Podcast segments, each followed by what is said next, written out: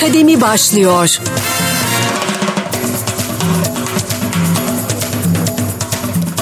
Merhaba sevgili Radyo Gol dinleyicileri. Futbol Akademi programına hoş geldiniz. Ben Hasan Kürşat Taşkıran, Futbol Akademi yazarlarından. Ee, bugün Onur Sarıyar'la birlikteyiz. Dilerseniz kısaca hemen gündemi, e, gündemimizi önce bir size söyleyelim. İlk olarak lejyoner futbolcularımızı konuşacağız. Avrupa'da top koşturan Türk futbolcularımız ve bir iki üzücü sakatlık da oldu. Özellikle Merih Demiral'ın sakatlığı. Bunlardan bahsedeceğiz. E, daha sonrasında malumunuz devre arası transfer gündem, devre arası transfer dönemindeyiz ve e, yoğun geçiyor her zamanki gibi. Bundan bahsedeceğiz. Sonrasında Süper Lig başlayacak artık bu hafta sonu. Süper Lig'de ikinci yarının ilk haftasını ve maçları değerlendireceğiz. Ve son olarak da e, devre arasında yapılmış son sezonlarda Süper Lig'de devre arasında yapılmış en iyi transferlerden bahsederek programımızı kapatmayı düşünüyoruz. Ama öncelikle bir e, hepimizi sevindiren bir gelişme oldu bu hafta sonu. Voleybol milli takımımız olimpiyatlara katıldı. Almanya, Almanya'ya eleyerek baraj maçında. E, biz de bunu açmak istedik. Hem voleybol takımımızı tebrik edelim hem de biraz üstüne konuşalım diye. Ee, ya Onur benden de daha bilgili bu konuda. Ben direkt lafı ona bırakayım çok uzatmadan. Aynen uzun zamandır voleybol takımını takip ediyorum. Ee, kadın voleybol takımını hem kulüpler bazında hem milli takım bazında. Ee, bu yaz Viyana'da de çok büyük başarı elde etmiş takımımız. Çok genç bir takıma sahibiz ve Guidet ile birlikte e, çok geniş bir rotasyondan yararlanıyoruz. E, bütün oyunculardan faydalanmaya çalışıyor Guidet'ti. İşte Viyana'da dördüncü olmuştuk Çin'e eğlenerek. Ama orada orada kalmak önemliydi. Büyük takımları yendik. Ee, daha sonra Avrupa Şampiyonası vardı ülkemizde. Orada da finalde elendik. 3-2 Hırvatistan elenmiştik. Orada da çok büyük bir başarıydı aslında. Ama kadın voleybol takımımız her seferinde e, çıtayı bir yük, yük, yük, e, yukarıya koymayı başarıyor. Şimdi 2020 Tokyo elemelerine Tokyo'ya katılıyoruz olimpiyatlara. E, hem de Almanya'yı yenerek grup maçında yenilmiştik. E, çok kötü bir oyun oynamıştık. E, ama final maçında gerçekten inanılmaz bir oyun. E, gerek genç oyuncularımız gerek Eda'nın performansı işte turnuvaya zaten Hande ve Meryem Boz damgayı vurdu. E, ben voleybol takımımızda daha çok yapıdan bahsetmek istiyorum. Guidetti'nin çok büyük katkıları var takıma. E, dediğin gibi Yarının Sultanları diye projesi var mesela Guidetti'nin. E, il il geziyor. Şey, Doğu, işte Ege, Karadeniz hiç fark etmez. Her tarafı geziyor ve orada işte spor sevgisini aşılamaya çalışıyor ülkeye. E, Guidetti'nin e, bu başarısını e, ülkece tebrik etmemiz gerekiyor ve desteklememiz gerekiyor. Tabii işte ne diyeyim kulüpler bazında da Vakıfbank çok iyi, Fenerbahçe çok iyi, Eczacıbaşı çok iyi. Orada mesela zaten son an, e, son zamanlarda bayağı hakikaten damga vurdu voleybola, Avrupa evet. voleyboluna. Evet tabii ki. Ya mesela orada da bizim aslında şeyimiz yok. Ee, ne diyeyim Türk voleybolcu Avrupa çok fazla gitmiyor. Yani bizim de lig kalitemiz de çok yüksek. Ama işte Avrupa'nın veya işte Çin'in en iyi oyuncuları hep bizde. Mesela işte Boşkoviç var, Isabel Hak var, e, Vakıfbank'ta Gabi var, e, Fenerbahçe'de Mihailovic var veya Kelsey Robinson var. Yani bu oyuncular gerçekten çok üst düzey oyuncular. İşte Amerika'nın en iyi iki oyuncusu veya işte Brezilya'nın en iyi iki oyuncusu Gabi ile Natalie. Hepsi bizde. Ee, dediğin gibi ama işte çok sempatik takım olduk. Umarım olimpiyatlarda da çok büyük başarılar elde ederler. O yüzden ben voleybol, kadın voleybol takımımızı tebrik ediyorum ve başarıların devamını diliyorum. Buradan istersen şey de bağlayabiliriz. Ee, çok sempatik takım oldu voleybol takımımız. Bence futbol takımımız da çok sempatik takım evet, oldu. Evet evet. Euro 2020'ye gidecek futbol takımımız da hakikaten çok sempatik ve e, yurt dışında da yine birçok oyuncumuz oynuyor bu takımda olan. E, buradan lejyoner futbolcularımıza bağlayabilirim. Merih'le başlayalım istersen. Ya, Merih, Merih e, sezon başı forma şansı bulmakta zorlanıyordu. Tam o formayı kaptı ve 3-4 haftadır düzenli oynuyordu. İyi de performanslar sergiliyordu. Ama maalesef son maçta da yine hem iyi oynarken hem de bir gol atmışken. gol attığı maçta sakatlandı. Sakatlandı ve sezonu kapattığı açıklandı. Yani yapılan açıklamalar 5-6 ay oynamayacağı yönde. Yani Euro 2020'ye gidecek mi gitmeyecek mi belirsiz hala. Yani Merih, Merih gibi güçlü futbolcular genelde böyle turnuvalara döner. Yani Merih'in yani fiziksel olarak inanılmaz bir kuvveti var. Yani diz sakatlığı çok önemli tabii. Yani iste, iste, istediğiniz kadar çalışın, işte rehabilitasyona gidin. Yani belli bir süreden önce futbol dönemiyorsunuz. Merih bir de fiziğiyle oynayan bir oyuncu. Yani fiziği diri olmadığı zaman Merih'in performansı %60-70 düşer. Yani çok yetenekli bir oyuncu değil ama çok karakterli, işte çok iyi fiziği olan ve sert bir oyuncu. Merih'in sakatlığı çok üzdü bizi. Ee, ama stoper rotasyonumuz bence yeterince iyi. Yani Merih olmuyorsa Ozan Kabak var. Ozan Kabak çok düzenli oynuyor Bundesliga'da. Ee, ve işte goller atıyor. Haftanın takımına seçiliyor. Dediğin gibi işte Mert Çetin, Ozan Kabak, Çağlar Söyüncü zaten yani Kaan gerçekten Ayhan. Kaan Ayhan yani stoper rotasyonumuz var. Ee, hakikaten ya sanıyorum hakikaten Türkiye tarihinin en iyi geçmiş. stoper rotasyonu olabilir bu. Dört tane hatta beş tane iyi oyuncumuz var. Hepsi Avrupa'da. Ya Hakikaten. Şeye üzülmüştüm ben işte aynı maçta Zaniolo sakatlandı ama Cengiz süre bulamıyor Roma'da. Ee, Cengiz'in şansı Zaniolo'nun sakatlığı oldu. Sezonu Evet, evet. kapatmış. Ee, Cengiz'in de süre bulması lazım. Oynaması lazım. Çünkü Cengiz bizim için ya ofansif anlamda o yaratıcılığı sağlayan oyuncumuz aslında. Ömür de sakatlandı. Abdülkadir Ömür de sakatlandı çünkü. Ve yani bizim ya Cengiz tarzı böyle topla mesafe katabil, kat edebilen hani dribling yapabilen çok fazla kanat oyuncumuz da yok. Ee, Abdülkadir malum sakat. Bir de Cengiz'in hani e, oynamayarak Euro 2020'ye gelmesi bize hakikaten Çok olumsuz iyi- anlamda çok Tabii etkileyecektir. canım ya Cengiz Cengiz de çok sakat, sakatlık geçirdi. Sakatlık geçirdi sonra iyi döndü. iyi performans sergiliyor ama bu sefer ya rekabet ettiği oyuncular da çok yüksek performans sergilemeye başladı onun yokluğunda.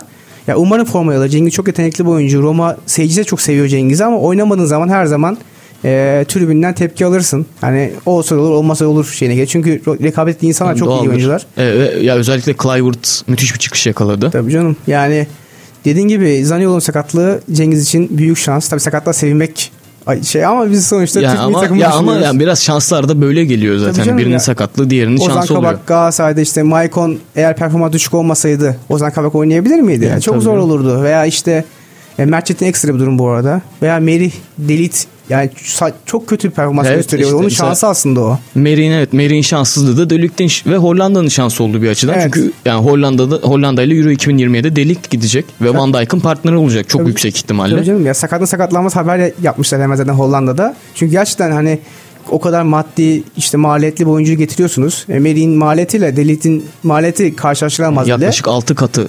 evet. Yani karşılaştırılamaz bile. O yüzden Merih'in performansı çok değerliydi. Takım içine çok seviliyor. Ee, dediğim gibi Merih inşallah döner Euro 2000 işte 20'de bizle birlikte olur. Ee, onun dışında şey vardı sanırım. Cenk'e geçebiliriz dilersen. Olur. O da yakın zamanda bir transfer yaptı Crystal Palace'a. Onunla alakalı Premier Lig de çok fazla izledim ben bu dönem. Ee, Premier Lig'den yazılar da yazdım. Crystal Palace açıkçası Cenk için doğru tercih mi değil mi diye düşündüğümde bence kötü bir tercih. Ya umarım yanılırım. Ya yanılmayı o kadar çok isterim ki. Oynaması için iyi bir tercih. İyi bir tercih. Çünkü oynayacak yani belli. Çünkü Jordan Ayew var ama Ayew'i kanatta da kullanabiliyor. Ama Crystal Palace o kadar geride karşılıyor ki takımını. Yani 3 tane orta sahası var. 3'ü de ön libero özellikle. Sıfır yaratıcılık. Yani Zaha'ya kalmış. bir takım. Savunmayı çok geride kuruyorlar. Yani evet geride koyuyorlar işte o zaman Cenk'in pivot özelliğini gerçek şey e, göstermesi Evet. gerekiyor ve dribbling yapması gerekiyor belli bir noktada. Yani ve şu an Cenk'in fiziği de hazır değil. Yani ilk haftalarda süre bulur ama bence 90 dakika süre almakta zorlanacak. Ee, Cenk keşke Bundesliga'ya gidebilseydi. Cenk'i de anlıyorum. Yani Premier Lig'de kalmak istiyor. Premier Lig'den başka lige gittiğinizde yani Premier Lig'e dönmeniz biraz zor olabiliyor. Çünkü Premier Lig'de başarısız geçirmişsiniz. Ee, Bundesliga onun için çok iyi tercih olurdu ama onun yani isteğini anlayışla karşılıyorum. Umarım çok fazla süre bulur. Umarım yanılırım.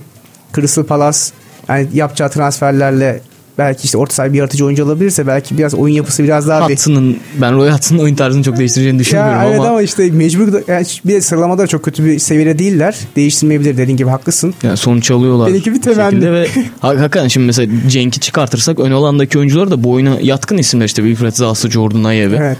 Hani Zaten hep kuvvetli forvet ister Roy Hudson.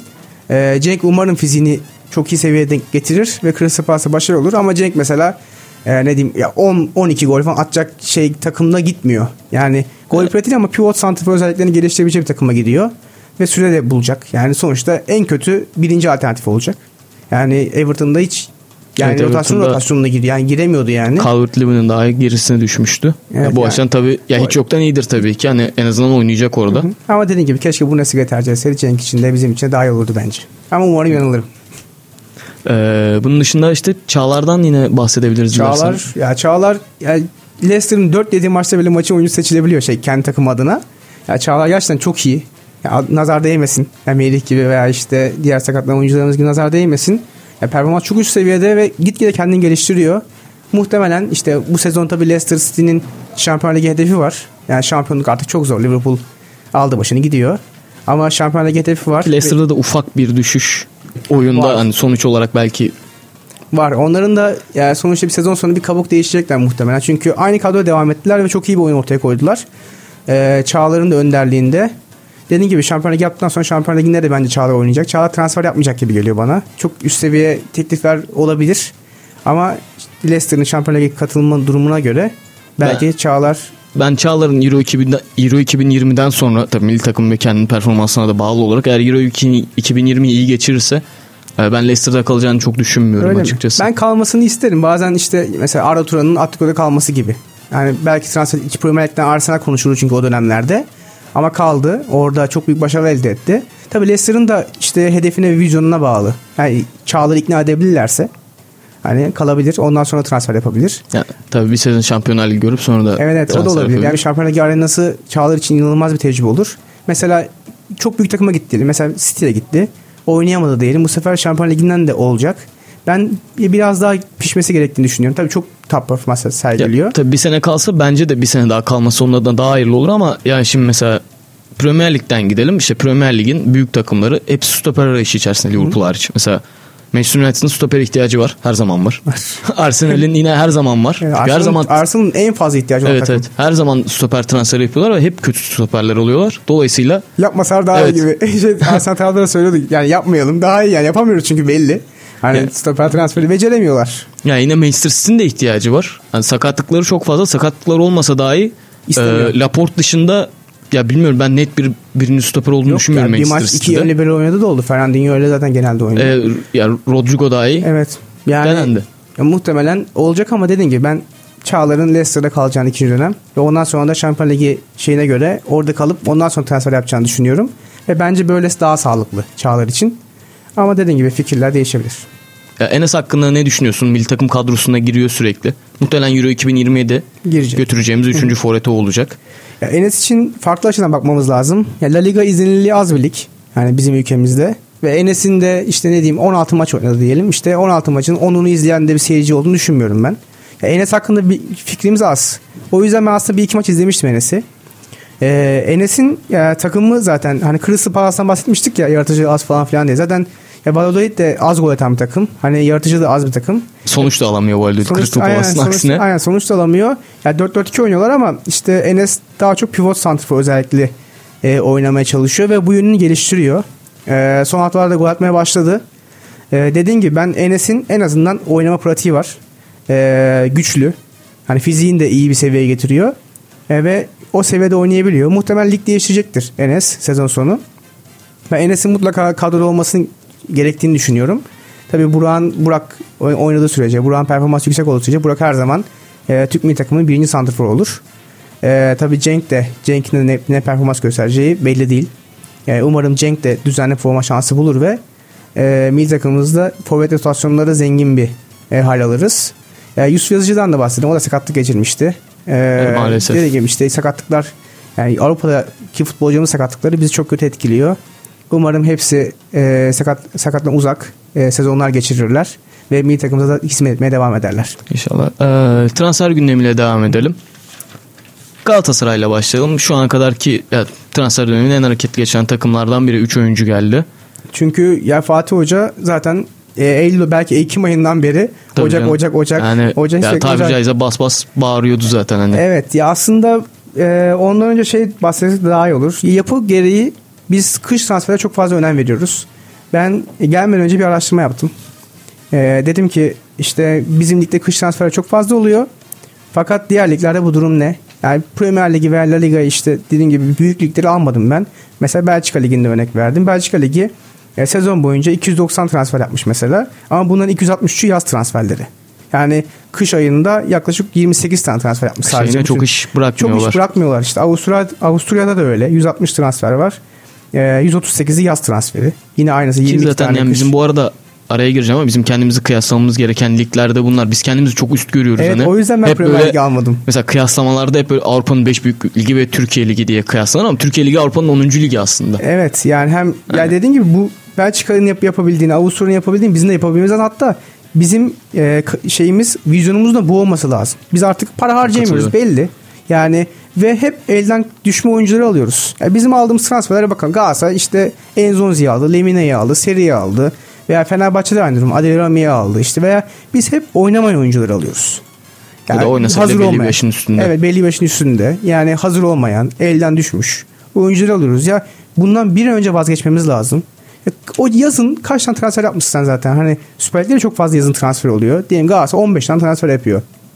Yani sen 15 tane transfer yapmışsın. Bir de ocağı işaret edip Ocak'ta da 6 tane transfer takviyesi yapmaya Zaten kulüplerin mesela Fenerbahçe ve Beşiktaş'ın şu an tra- e, şu an transfer yapamama sebebi tam da e, bu mantık. Senelerce bu mantıklı transfer yaptılar. e, maliyet yüksek oyuncuları getirdiler ve şu anda transfer yasakları var. Hani e, fiili olarak hani resmiyette bir transfer yasağı olmasa da transfer yapamıyorlar şu anda harcama limitlerinin üstünde oldukları için oyuncu satamadan. Galatasaray'da tek buradaki avantajı Galatasaray'ın da Şampiyonlar Ligi'ne gitmiş olması. Galatasaray Şampiyonlar Ligi'ne gidip eğer şampiyon gidemeyip o geliri elde edemeseydi şu an Galatasaray da transfer yapamayacaktı. Hani zaten dediğim gibi devre arasında işte o çok oyuncu sattı. Ozan Kabak'ın gidişi mesela çok rahatlattı Galatasaray'ı. Ama yazın oyuncu gönderemedin. Yani Belhanda'nın gitmesi konuşuluyordu ve Fegoli işte orada para kazanabileceğim oyuncular bunlardı. Ama satamadık. Bir Fernando'dan gelen bir gelir var. E ne oldu bu sefer? Transfer yapamadın. Kiralık oyunculara yöneldin ve kiralık oyuncuların hepsi de e, profili şeydi. Oynamayan. Yani gözden düşmüş. Avrupa'dan gözden yani düşmüş yüksek profilli oyuncular ve yani ya bu oyuncuları da zaten satın alması mümkün değil bizim kulüplerimizin. Ya bir Kiralık de... olarak almak için de şimdi mecbur Ağustos'a kadar Heh. beklemek zorundasın. Evet kamp edemiyorsun. Zaten bu adam hazır gelmiyor sana. E, en en erken iki ay sonra performans alabiliyorsun. Tabii canım bu adamlar zaten oynamadan gelen oyuncular buraya. Bir de sen geç getiriyorsun. işte kampta e, kamp yetiştiremiyorsun. Evet kampa yetiştiremiyorsun. E zaten hazır olması bu adamın zaten Ekim'i Kasım'ı buluyor neredeyse. Aynen ya biz Galatasaray'dan bahsettik ama bütün takımlarımız böyle. Galatasaray sadece bir aracı oldu bunları bahsederken. Yani aynı her takım, örnek, aynı her takım için aynı şeyi söyleyebiliriz zaten. Yani o yüzden bu durumu mutlaka aşmamız lazım. Ben bakıyorum Türk Süper Lig'de 300'ü aşkın yaz transferi olmuş zaten. Yani ve bilançolarımız da mesela Belçika, Avustralya falan örnek verdiğimde onlar hep kâra geçen ülkeler. Bizim o kârımız çok yüksek değil. Galatasaray mesela Ocak ayında yine Galatasaray diyorum ama yani Galatasaray mesela Ocak ayında 13 milyon euro şeyi vardı. E, transfer yapabilme imkanı vardı. Bir forvet ihtiyacı vardı. Forvet ihtiyacı ya e, şampiyon olduktan sonra evet. şampiyon oldu. Haziran'dan beri vardı. Evet Gomis gitti belliydi yani. Forvet alacağın senin. Ve son güne kadar iki oyuncuyu bekledin. Onlar verdim karşılık vermedi. Forvetsiz başladın lige. E, ocağı hazırlaman gerekiyordu. Onu da hazırlayamadın. Sonra liginde hani çok fazla gol atmış. E, mantıklı hazır oyuncu 13 milyon euro verdin. Sonra ne oldu? Başına iş açtın. Şu an Cagney Belçika'dan gönderilmeye çalışıyor. Sana göndermeye çalışıyorlar. Geri almak zorundasın yani. 13 milyon euro vermişsin. Bu adamı çöp atamazsın ki. Tabii canım. E şimdi ne olacak? Yani işte bunları düşünerek transfer yapmamız lazım. Takımların biraz daha bilinçli olması lazım ama kış transferleri de dediğin gibi Süper Lig için bayağı önemli bir hal alıyor. Eksikleri tamamlamak adına transferlerle birlikte. Yani Ama, biz tabii transfere geç başladığımız için kışın ihtiyaçlarımız oluyor doğal olarak. Evet. Diğer ülkelerden yani, Tek tek bakalım nasıl nasıl istersen öyle devam edebiliriz. Yani kulüp kulüp gidebiliriz. Zaten transfer yapamayan kulüplerimiz var. Hani evet, Beşiktaş. Fenerbahçe, Beşiktaş, Kayseri Spor gibi. Hı. Bu arada Fenerbahçe'yi e, transfer yapamıyor dedim çünkü Falet'i aldılar ancak lisansını çıkartamadılar. Hı hı. Ve e, gerekli ekonomik şartları karşılayamazlarsa lisans çıkmayacak Falet'e. Oynayamayacak. E, yani dolayısıyla şu anda resmi olarak Fenerbahçe'nin de bir yaptığı bir transfer yok. Yani daha da oynatabileceği bir oyuncu alamadı hala ve alamayacak gibi de duruyor. E, Galatasaray'da yabancı şu an fazla transferlerle birlikte gitmesi gereken oyuncular var. Babel dışında işte Enzonzi'nin gitmesi bekleniyor. Nagatomo'nun gitmesi bekleniyor. Mariano şüpheli biraz. Ya Enzonzi ee, kesin gibi hatta kendi ülke hı. ülkesine de birkaç defa açıklama yaptı. Aynı zamanda en kötü kadro çıkıp muhtemelen feshedilecek ve maaşını alıp yani, yani yata yata aynı Roma'nın tutacak gibi. Ee, dediğim gibi Galatasaray'ın Belhanda'nın gidişi rahatlatabilir Galatasaray'ı maddi anlamda. Bu sefer transfer yapabilirsin. Zaten elinde Galatasaray'ın başka hani satabileceği bir oyuncu da yok gibi çok performans yok gibi. aynen. Yani bir Marka vardı. Marka, Marka lige çok kötü başladı. Evet. Sonra toparladı ama lig sonuna doğru. Hatta son Galatasaray maçını analiz ettiğimde e, hem dikine pas, dört tane anahtar, anahtar pas atmıştı. E, tabii bu sadece oyuncu özelinde değil. Galatasaray takımı çok ağır bir takımdı. Yani emekli takımı gibi, veteran takımı gibi bir top oynuyorlardı. Tekahüt takımı gibi. Aynen. Gerçekten öyleydi. Bu sefer ne oldu? Bekleyen transferler. Bir tane hücumcu sol bek, bir tane Onyekuru tarzında bir oyuncu bekliyorduk ama Onyekuru geldi. Atlet bir kanat oyuncusu. Atlet bir kanat oyuncusu. Ee, işte Sekidika iki tane atlet kanat oyuncusu aldı Galatasaray. Bir Onyekuru, bir Sekidika, ee, bir de sol bek Saraçi. Tabii ki Galatasaray'ın temposunu arttıracaktır. Babel'in gidişiyle birlikte de o kanat rotasyonuna hem Sekidika hem Onyekuru katılır. Tabii Onyekuru'nun hastalığı var. Sıtma hastalığına yakalanmış. Üç etapları ondan yararlanamayacaksın. Tabii o Onyekuru 5-6 ayda oynayamadığı için Monaco'da sana yine hazır olmayan bir oyuncu evet, geldi. Evet. Sarıhaç'ı da oynayamıyordu. Yani dediğin gibi yani senin takımın rehabilitasyon merkezi gibi bir şey olmuş ya oluyor ve, ama. Ve, ve bir stoper daha almak zorunda şu an Galatasaray. Evet. Luyendama yok sezonu çünkü kapattı. sezonu kapattı. Evet. Şimdi Mourinho muhtemelen stoper de yine evet. Mur yine hazır olmayan bir kiralık transferi olacak. Evet ama işte bir şekilde alışıyorlar. Yani artık çünkü kışın kim niye versin sana oyuncusunu? Oynattığı oyuncuyu Tabii vermek istemez. Rotasyondaki oyuncunu bile satmak istemezsin. E paran da yok. Desen ki işte 2 milyonluk oyuncuya ben 4 milyon euro vereyim ama satsınlar desen. E paran da yok onu da harcayamıyorsun. Bu yüzden sıkıntıya giriyorsun. Ama Galatasaray'ın bu transferlerle birlikte temposunun yükseleceği aşikar. Ceza alanına koşu yapacak oyuncu sayısının da artması gerek, gerekiyordu ve bu oyuncularla artar bence. E, Galatasaray stoper de alırsa e, dediğim gibi başka transfer yapar mı bilmiyorum ama Andonia'nın sakatlığı da var. Lines'i belki yeni transfer olarak sayabiliriz. Lines'i, Muhtemelen evet, lisans evet. çıkacak ikinci dönem. Evet aynen öyle. Lines de mutlaka oynayacak. Hem e, sağ bekin bindiren e, ne diyeyim atlet bir sağ bek olacak. Hem Serhatçı ile birlikte sol bekin de öyle olacak. Bu sefer takım daha hareketli. Bu sefer seriden de daha fazla verim alacaksın. Seri pasör bir oyuncu. Ama seriye top ayağına geldiğinde Babel çizgide ayağına bekliyordu. Figuri çizgide ayağına bekliyordu. E, orta saha zaten hareketsiz. Enzonzi serinin de gerisinde oynuyordu. E, Belhanda da performansını gösteremeyince seri bu sefer yani performansını gösteremedi. Son maçta gördüğümüz gibi Ömer Bayramlı, Taylanlı bir takım olduğunda seride çok iyi performans gösteriyor. Evet, e, Trabzon'la devam edelim. Malum Fenerbahçe Beşiktaş transfer yapamıyor. Trabzonspor Badu Endia'ya yine başka hazır olmayan bir oyuncu. evet hazır olmayan ama ligimizi bilen. Evet, ve Trabzon'un aslında ihtiyacı olan profilde bir oyuncu. Evet ya ben aslında Trabzonspor Trabzonspor'da çok takip etmiştim yazılarım da vardı. Trabzonspor'da ben her zaman bir işte e, ne diyeyim biraz tempolu 6 numara e, ve pozisyon almayı bilen bir oyuncu bekliyordum. E, Badu Endia'ya geldi.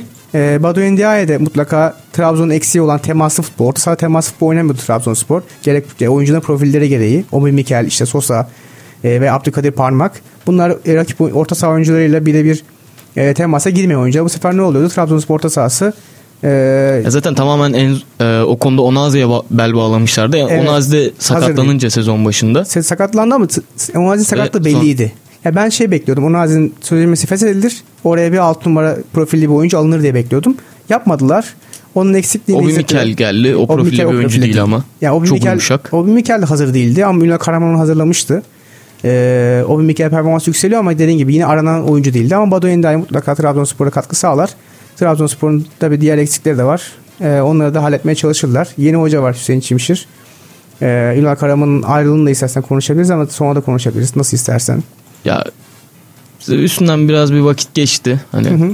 ya bilmiyorum tabii yanlış yani. Yanlış Evet. bir karar. Yanlış Üstüne bir- çok da konuşulacak ne var bilmiyorum. Çünkü saha içiyle ilgili hiçbir şey yok Evet burada. hiç Hani. olumsuz bir şey yok. Ya Hani Trabzonspor saha içiyle ilgili bir karar değil bu. Değildi belli. Ya şöyle bir durum var. Ee, Trabzonspor şampiyon oynayan bir takım değildi. Yani şöyle yani öyle bir hedefi olmayan bir takım. Çok maddi sıkıntılar yaşıyordu. İlk önce hedefleri hem başkanın hem antrenörün e, maddi sıkıntıları e, bertaraf, edip, bertaraf edip e, iyi bir takım ortaya çıkartmak. Zevk alan bir takım, futbol oynatan bir takım ortaya çıkartmakta. Ama Ünal Karaman oyuncuların performansı o kadar yükseltti ki. Ya gerek Ekoban'dan gerek işte Abdülkadir Parmak PTT'de yüzüne bakılmayan oyuncu Süper Lig'de performans vermeye başladı. Biraz kendi başarısının altında ezmeye çalıştılar Ünal Hoca'yı. Evet ya maalesef Trabzonspor taraftarı da çok üzgündür. Ama tabii ki hiçbir zaman takımın desteklemekten geri kalmayacaklar. Sonuçta böyle bir karar alındı ama e, Trabzonspor şampiyon yarışında olan bir takım. Takımını bozmamak gerekiyor. Dediğim gibi şu an işte görev alan antrenörü destekleyip Trabzonspor takımına destekleyip lige devam etmeleri gerekiyor. Ama dediğim gibi mutlaka oyuncuların performansının düşmeler olacaktır. Sosa mesela çok yüksek performans gösterir ama ben bunların Ünal Karaman'ın etkisinin %70, %60'larda olduğunu Evet, düşünüyorum. evet. Yani o oyuncuların performanslarına düşme olacaktır mutlaka. Bakalım hayırlısı olsun diyelim Trabzon için. Ee, Kayseri Spor'dan bahsedebiliriz. Onlar da ciddi bir mali krizde. Şu an kadar transfer yapamadıkları gibi birçok oyuncuyla da yollarını ayırdılar. İşte Umut gitti, Adebayor gitti, Bilal Başıcıkoğlu gitti. Solbek Atilla Turan gitti. Yine e, Şamil Cinaz gitti. Ya gibi Kayseri Spor'da işler hiç e, istediği gibi gitmiyor. Yeni bir teknik direktör aldılar bu arada. Prusneçki ile anlaştılar. Yeniden Evet. döndü Kayseri o da. Aynen. Yani yine ligimizin bildiği antrenörler zaten hep Ligi tanıyan. Ligi tanıyan. Hepsi zaten dönüyor birbirlerine. Dediğim gibi e, Kayseri Spor için işler daha kötü. Transfer yapmadık sürece bence bu e, ilk 11 ile çıkan ilk 11 ile veya işte ilk 18 ile belli başarı sağlamamız çok zor. Yani çok iyi bir sistem takımı olmaları gerekiyor. Ne kadar bunu sağlayabilirler bilmiyorum. Transfer yapabilirler mi onu da bilmiyorum. Hani sonuçta yönetim falan değiştiği zaman bazen maddi kaynaklar yaratılabiliyor. E, ama Kayseri Spor için işler yolunda gitmediği aşikar. Elme Demir oynuyor. Yani tek sevindirici nokta Evet, ama şansları biraz da o. ama şöyle bir durum var işte ya ben böyle genç oyuncuların e, belli bir sistem içinde görev aldığı zaman başarılı olacaklarına inanan bir işte e, kişiyim. Ama Emre Demir işte sistemi olmayan başarısız bir takımda ilk 11 şansı buluyor. Bu da onun için iyi bir bu, bu yaşta e, Süper Lig tecrübesi yaşaması güzel bir şey tabii ki ama keşke belli bir sistem ve kurgunun içinde olan Ha, bir takımda oynat. Mesela Başakşehir'de İrfan Kahveci'nin aldığı İrfan Can Kahveci'nin aldığı rol gibi mesela. Veya Cengiz'in mesela ama öyle takımlar sistem takımlarında oyuncular kendini daha fazla gösterebiliyor genç oyuncular. Ee, e, bunun dışında Malatya'dan konuşabiliriz. Umut Bulut'u kadrolarına kattılar. Sarı kırmızıdan vazgeçemiyor Umut Bulut. Aynen öyle. Ee, onlar da Sergen Hoca'yla iyi bir başlangıç yapmışlardı sezona. Avrupa'da da ben Avrupa maçlarını izlemiştim. Fena bir oyun oynamıyorlardı. Eleyebilirlerdi Evet de. şanssız bir şekilde biraz da elendiler. Ee, ancak sonrasında ligde de bir düşüş başladı. Şu anda da düşüşteler. Evet yani yeni Malatya'da yeni Malatya'dan dışında yeni Malatya'da Sergen Yalçın e, Alanya Spor'da da aynı durumu yaşamıştı. Belli bir süreden sonra Sergen Yalçın'ın takımlarına bir performans düşmesi oluyor. Bunun sebebini tam olarak bilmiyorum. E, ama Erol Bulut zaten hazır bir takım vermişti ona yeni Malatya'da. Aynı şekilde de Alanya Spor'da da e, şeyler vardı. E, ne diyeyim hazır takımlar vardı. E, Sergen Yalçın'ın e, başarısını devam ettirmesi için mutlaka yeni bir konsantre olması gerekiyor. E, takımı daha iyi bir sistemde. Belki sistemi iyi kuramıyor veya uzun dönem e, performanslarda belli bir kurguya ihtiyaç var. O kurguyu yapamıyor. İlk motivasyon, ilk oyuncunun performanslarını gösterme konusunda pozitif etkiye sahip ama takım işte sezon içinde e, diyeyim, ilerledikçe e, takımların performansı düşme oluyor. Ben bunun sebebini bilmiyorum ama bir araştırıp detaylı bir analiz Belki yapmak uzun gerekir. vadede bir oyun planı oturtamıyor olabilir takımına. Evet ya olabilir ama gelin bu yönünü gelişmesi lazım çünkü oyun içi hamleleri çok iyi Sergen Yalçın'ın. Oyun görüşü çok iyi. Oyuncularla iletişimi de çok iyi. Yani Ben bu yönde- zaten bu kötülemek için falan söylemedim. Haddime değil zaten hani Sergen. Yalçın'a laf atmak da. ama, ama bu yani, belki bu konuda ufak Evet. bir eksiği olabilir. evet, yani geliştirmesi gereken bir nokta oldu. Aşikar gibi aslında. Ge- Geçmiş takımlarla olduğu gibi. O Sivas'tan bir de bahsedelim istersen. Sivas Yasin Öztekin'i kadrolarına katlar bence iyi bir transfer. Bence Yani de iyi bir rotasyon transfer. açısından. Hele Evet. ki Emre Kılınç'ın da sakat olduğunu düşünürsek. Yasin süre almamaya başlamıştı Göztepe'de. Süre alamıyordu e, son zamanlarda. E, Sivas'ın mutlaka rotasyona ihtiyacı vardı. Yani kulübeden girecek oyuncu ihtiyacı vardı. Sakatlıklar işte vesaire cezalılar uzun dönemde mutlaka her takımın başına gelir. Yani düşün Trabzonspor'un Galatasaray'ın başına geldi sakatlıklar. Çok ciddi sakatlardı. İlk 11'in 5-6 oyuncusu yok mesela. Sivas Spor daha böyle bir şey yaşamadı sezon başından beri. Ee, son olarak Süper Lig'de ikinci yarının ilk haftasını konuşacağız.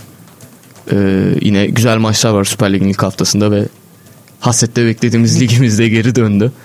Ee, ilk olarak en dikkat çeken maç bu hafta Beşiktaş Sivas Spor maçı. Direkt istersen ona yapalım açılışı. Tabii. Yani Sivas Spor e, ligde çok iyi gidiyor. Lider. Ve bence ilk 7 haftası çok kritik. E, sen de birlikteyken bakmıştık. E, işte Zor şamp- bir fikstüre sahip hakikaten. Evet işte şampiyon oynayan takımların e, ilk 7 haftaki maçları çok kritik. Ve 7 haftada aldığı skorlar yani puanlar direkt senin şampiyonluktaki e, mücadeleni etkiliyor. O yüzden Sivas Spor'un e, puan alması gereken bir maç. Beşiktaş'ın da tabii puan alması gereken bir maç. Çünkü rakibi direkt rakibi. E, çok güzel bir maç geçeceğine eminim. Sivas Spor'un da eksikleri vardı. Tam olarak hakim değilim ama eksikleri çok Mert fazlaydı. Hakan yok. Yine e, Emre Kılınç yok yanlış bilmiyorsam. Bunun dışında Apindangoye yok. Fernando da yine yanlış hatırlamıyorsam Ya e, işte maçta olamayacak. Çok büyük eksikler çünkü Sivas Evet. Spor'un dediğin gibi bir rotasyon problemi vardı. vardı. Ee, bunu düzeltmeleri gerekiyor. Ee, çok güzel bir maç geçecektir. Ee, ben e, Sivas Spor'un puan kaybedeceğini düşünüyorum ama bakalım. Yani önemli olan tabii güzel futbol seyretmemiz. Ee, 5 yaşında kendi evinde oynayacağı için kendi ev- evinde oynama avantajı var tribünün desteğiyle birlikte. Ve e, Beşiktaş toparladı. Son zamanlarda üst üste puanlar aldılar. Çok iyi futbol oynamamasına rağmen iyi puanlar almıştı. Sonuç almayı biliyor. Sonuç almayı biliyor. Ee, futbolunda da gelişme var tabii ki. Abdullah Avcı özellikle takıma daha çok tanımaya başladı. Evet, Evet, yani sene başında özellikle o ısrar ettiği e, sisteminden vazgeçmesi. Yani daha, daha Biraz da mant- hani şey e, nasıl söyleyeyim futbolcuların daha kolay uyum sağlayabileceği bir oyuna geçiş yapması Beşiktaş'ı da sonuç anlamında daha rahatlattı tabii. Başakşehir ile Beşiktaş tabii ki farklı takımlar ya. Başakşehir'de e, sabırlı olabiliyorsunuz ama Beşiktaş taraftarı her zaman başarı bekler. Evet. Ve Yani- Abdullah Avcı'nın özellikle sene başında oynattığı oyun hakikaten çok sabır isteyen bir oyundu. Ya ve kısa sürede Ya sonuç Beşiktaş taraftarı da o sabır göstermedi şimdi açık söyleyeyim. Evet. Hoca için istifa çağrıları bile Evet, o yapılmış beş haftalık statta. bir serisi Evet. vardı Beşiktaş'ın. Ya o olmasaydı muhtemelen Avcı için çok daha farklı Evet. şeyler konuşuyor olabilirdik. Ya senle de konuşuyorduk. Ben özellikle Avcı'nın ilk 5 haftada aldığı puanlar çok önemli olacak demiştim. Çünkü Başakşehir'deki e, dediğim gibi ortamla buradaki ortam farklı. Büyük takım çalıştırmak her zaman farklıdır. E, ama Avcı'nın daha mantıklı hamleleri, takım uygun hamleleri Beşiktaş'ın çevresini değiştirdi tabii ki. Dediğim gibi çok güzel bir maç bekliyorum. Umarım futbolun da çok iyi olduğu Bakalım e, umarım zevk aldığımız bir maç izleriz. beklediğimize de değecek bir maç olur. Ee, Galatasaray Denizli ile devam edebiliriz. Denizli ligin en iyi deplasman takımlarından biri. Ee, dış sahada 9 maç oynadılar yanlış hatırlamıyorsam ve 15 puanları var. Dış sahada da ligde üçüncüler. Hani Evet. hakikaten iyi bir dış saha takımı. Tabi biraz onların oyun stiliyle de alakası var. Ve Galatasaray deplasmana gelecekler. Galatasaray'da da işte bu e, özellikle hani yoğun geçen bir transfer gündemi var. Nasıl bir maç bekliyorsun? E, Galatasaray da evinde iyi. E, ama bu sezon e, sürpriz puan kayıpları yaşadılar. Tabii ki Antalya Spor, farklı Antalya Spor galibiyeti birlikte bir hava da yakaladı Galatasaray ve sezonu iyi başlaması çok önemli, çok kritik. Ben e, Galatasaray'ın çok tempolu bir maça başlangıcı yapacağını düşünüyorum. Yani çok tempolu başlayacaklar ve bulabilecekleri bir erken golle birlikte e, galibiyet alacaklarına inanıyorum. E, ama dediğim gibi Galatasaray'ın da çok eksikleri var. Birlikte oynamayan oyuncular yani. Mesela dediğim gibi çıkacak 11. İşte geçen dönem çok fazla sık bir arada oynamamış 11 olacak. O da bir handikap tabii ki. Ve zaten için. transferlerden de mesela Onyekuru oynayamayacak. Oynayamayacak. Bir Saraç dolayısıyla evet. Ee, dediğin gibi işte Lemina, Ömer Bayram e, seri üçlüsüyle çıkarlar.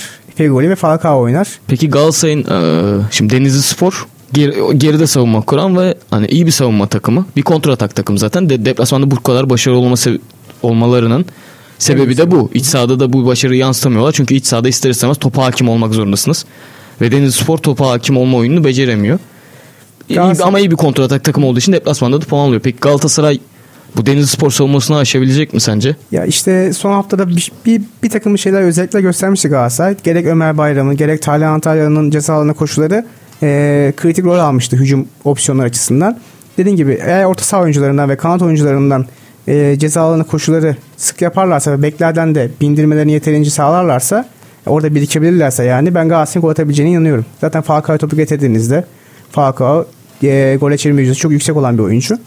Bir sıkıntı yaşayacaklarını düşünmüyorum ama dediğim gibi e, lige başlangıçları Galatasaray için çok önemli. Özellikle ilk 5 hafta. Gaziantep Fenerbahçe maçıyla devam edebiliriz. Bu ligin ilk haftasında karşılaştıklarında evet. Antep için çok kötüydü. Evet çok kötüydü. 5-0'lık bir mağlup 5 gol yemişlerdi. Ee, ve hatta o hafta yapılan yorumlar genelde işte Antep'in toplama bir takım oldu. Ben de açıkça öyle düşünüyordum. Hı hı. İşte Antep'in toplama bir takım oldu ve küme düşmesine kesin gözüyle bakıl, bakılıyordu. Ama sonra toparladılar. Evet, sonradan toparladılar. Fena da bir yerde değiller şu anda. Evet, her deplasman Süper Lig'de çok zor. E, Fenerbahçe de deplasman mutlaka zorlanacaktır. Ama ben galibiyet alacaklarını düşünüyorum Fenerbahçe'nin. Antep deplasmanı, deplasmanına 3 puan atacaklarını düşünüyorum. Bunun dışında yine haftanın dikkat çeken bir diğer maçı da Başakşehir Malatya. Evet. Ya Malatya düşüşte ama Başakşehir çok iyi bir takım. Evinde özellikle. Ama Bu arada iki Malatya'da... takım arasındaki ilk maçta Malatya kazanmıştı. Sergen Hoca bir çelme evet. takmıştı orada yani Okan işte Burak'a. Büyük maçlara Sergen Yalçın çok iyi hazırlanıyor. Ee, ve Malatya'nın kadrosu iyi. Yani çok tehlikeli kontrak oyuncuları var. Ee, çok zor maç geçecektir. Bu maç için tahmin yapmak gerçekten çok zor. Ama Başakşehir'de bir övgüde bulunmak istiyorum. Sessiz ve derinden ilerliyorlar şu an. Hem iyi futbol oynuyorlar hem Avrupa'da iyi futbol oynuyorlardı. Mönchengladbach'ı elemişlerdi. Yani dediğim gibi Başakşehir bu performansı gösterirse hep şampiyon yarışında olacaktır. Başakşehir hakikaten yani onlar da bu lige kötü bir başlangıç yapmalarından sonra çok çok iyi toparladılar. Ve ya ben kendi adıma ben şampiyonluğunda şu anda en azından saha içinde oynayan oyun olarak en büyük adayı olarak görüyorum. Hani evet. Sivas'ın da ben önüne koyuyorum. Özellikle çünkü hani e, daha geniş bir kadroya sahipler ve daha Evet. Yetenek toplamında Sivas'tan daha yüksek bir takım. Evet ama işte Sivas Spor ilk 7 haftada beklenen yani sürdükleri performans gösterirse çok düzenli bir takım. Ne oynadığını bilen bir takım. Hem içeride hem dışarıda aynı futbol oynuyorlar. O yüzden Sivas Spor e, yaban atılmaması gereken bir takım. Bu arada bu Sivas'ın ilk 7 maçı içinde Başakşehir maçı da var. Bakalım evet. onu da merakla bekleyeceğiz. Başakşehir içeride konuk edecekler. Ee, bunun Trabzonspor dışında... maçı var. Evet. Trabzonspor Kasımpaşa maçı var. Trabzonspor Kasımpaşa ile devam edelim. Ben boy golle bir maç bekliyorum. Ee, Kasımpaşa'nın savunma zafiyetleri çok fazla. Trabzon da her maç gol atan, gol yiyen bir takım. İçeride özellikle çok tempolu oynayan bir takım. Ee, çok keyifli maç geçecek. Yine yeni hocalarıyla da ilk maç olacak. Evet Hüseyin Hoca ile de ilk maçları olacak. Ee, dediğim gibi ben çok zevkli maç geçeceğini, gollü bir maç geçeceğini düşünüyorum. Ee, belki Beşiktaş Sivas maçından bile daha eğlenceli bir maç olabilir. Evet, Kasımpaşa'da bu arada yine hemen hemen her transfer olduğunda döneminde olduğunda gibi birçok oyuncu transfer etti yine bakalım. Bakın ee, onlar... Tayfur Avuççu ile anlaştılar. Sürekli bir teknik direktör sirkülasyonu da oluyor. Evet Kemal Özes gelip gidiyor. İşte onun yerine şey, birini bulmaya çalışıyorlar sürekli. Kasımpaşa dediğin gibi ya işte hem Trezeguet'in satışı hem Cagney'in satışından sonra ben o parayı iyi kullanamadıklarını düşünüyorum. E, beceremediler transfer işini ve takım daha kötüye gitmeye başladı. Ben Kasımpaşa'dan yapılacak transferlerle daha iyi bir takım bekliyordum. Bu dönem onu yaşamadılar ama bakın ikinci dönemde neler yapacaklar merakla Peki. bekliyorum ama Trabzonspor maçı çok keyifli geçecek eminim ona. Peki vaktimiz de aslında bitmek üzere ama sonra bir de Antalya Göztepe maçından da bahsedebiliriz İlhan Palut'tan. Ya Ve biz, Antalya'nın e, yine teknik direktörü değişimi oldu Antalya'da. Thomas'ı da gönderdiler. Ya dediğin gibi Antalya... Tamer Tuna'yla anlaştılar. Eski bir Göztepe teknik direktörü o da. Ya Antalya kötü futbol oynuyordu. Galatasaray maçında göre çok dağınıklar ee, ve çok derinde savunma kuruyorlar. Onu da beceremiyorlar. Üçlü savunma çıkmışlardı Galatasaray maçında ama 30 dakikada iki gol yemişlerdi. Antalya için işleri iyi gitmiyor ama hoca değişikliği her zaman yeni bir kan getirir. İlhan Palut içinde Ahmet Han'la bir de konuşurken E, başarılı olmasını çok istiyoruz demiştik. Ve iyi de sinyaller veriyor İlhan Hoca. Ben bu maçın da işte az gollü ama güzel bir maç geçeceğini düşünüyorum. Evet. E, evet sayın seyirciler bugünkü bölümümüzün sonuna geldik. Dinlediğiniz için hepinize teşekkürler. Radyo Gol. Türkiye'nin en genç spor radyosu.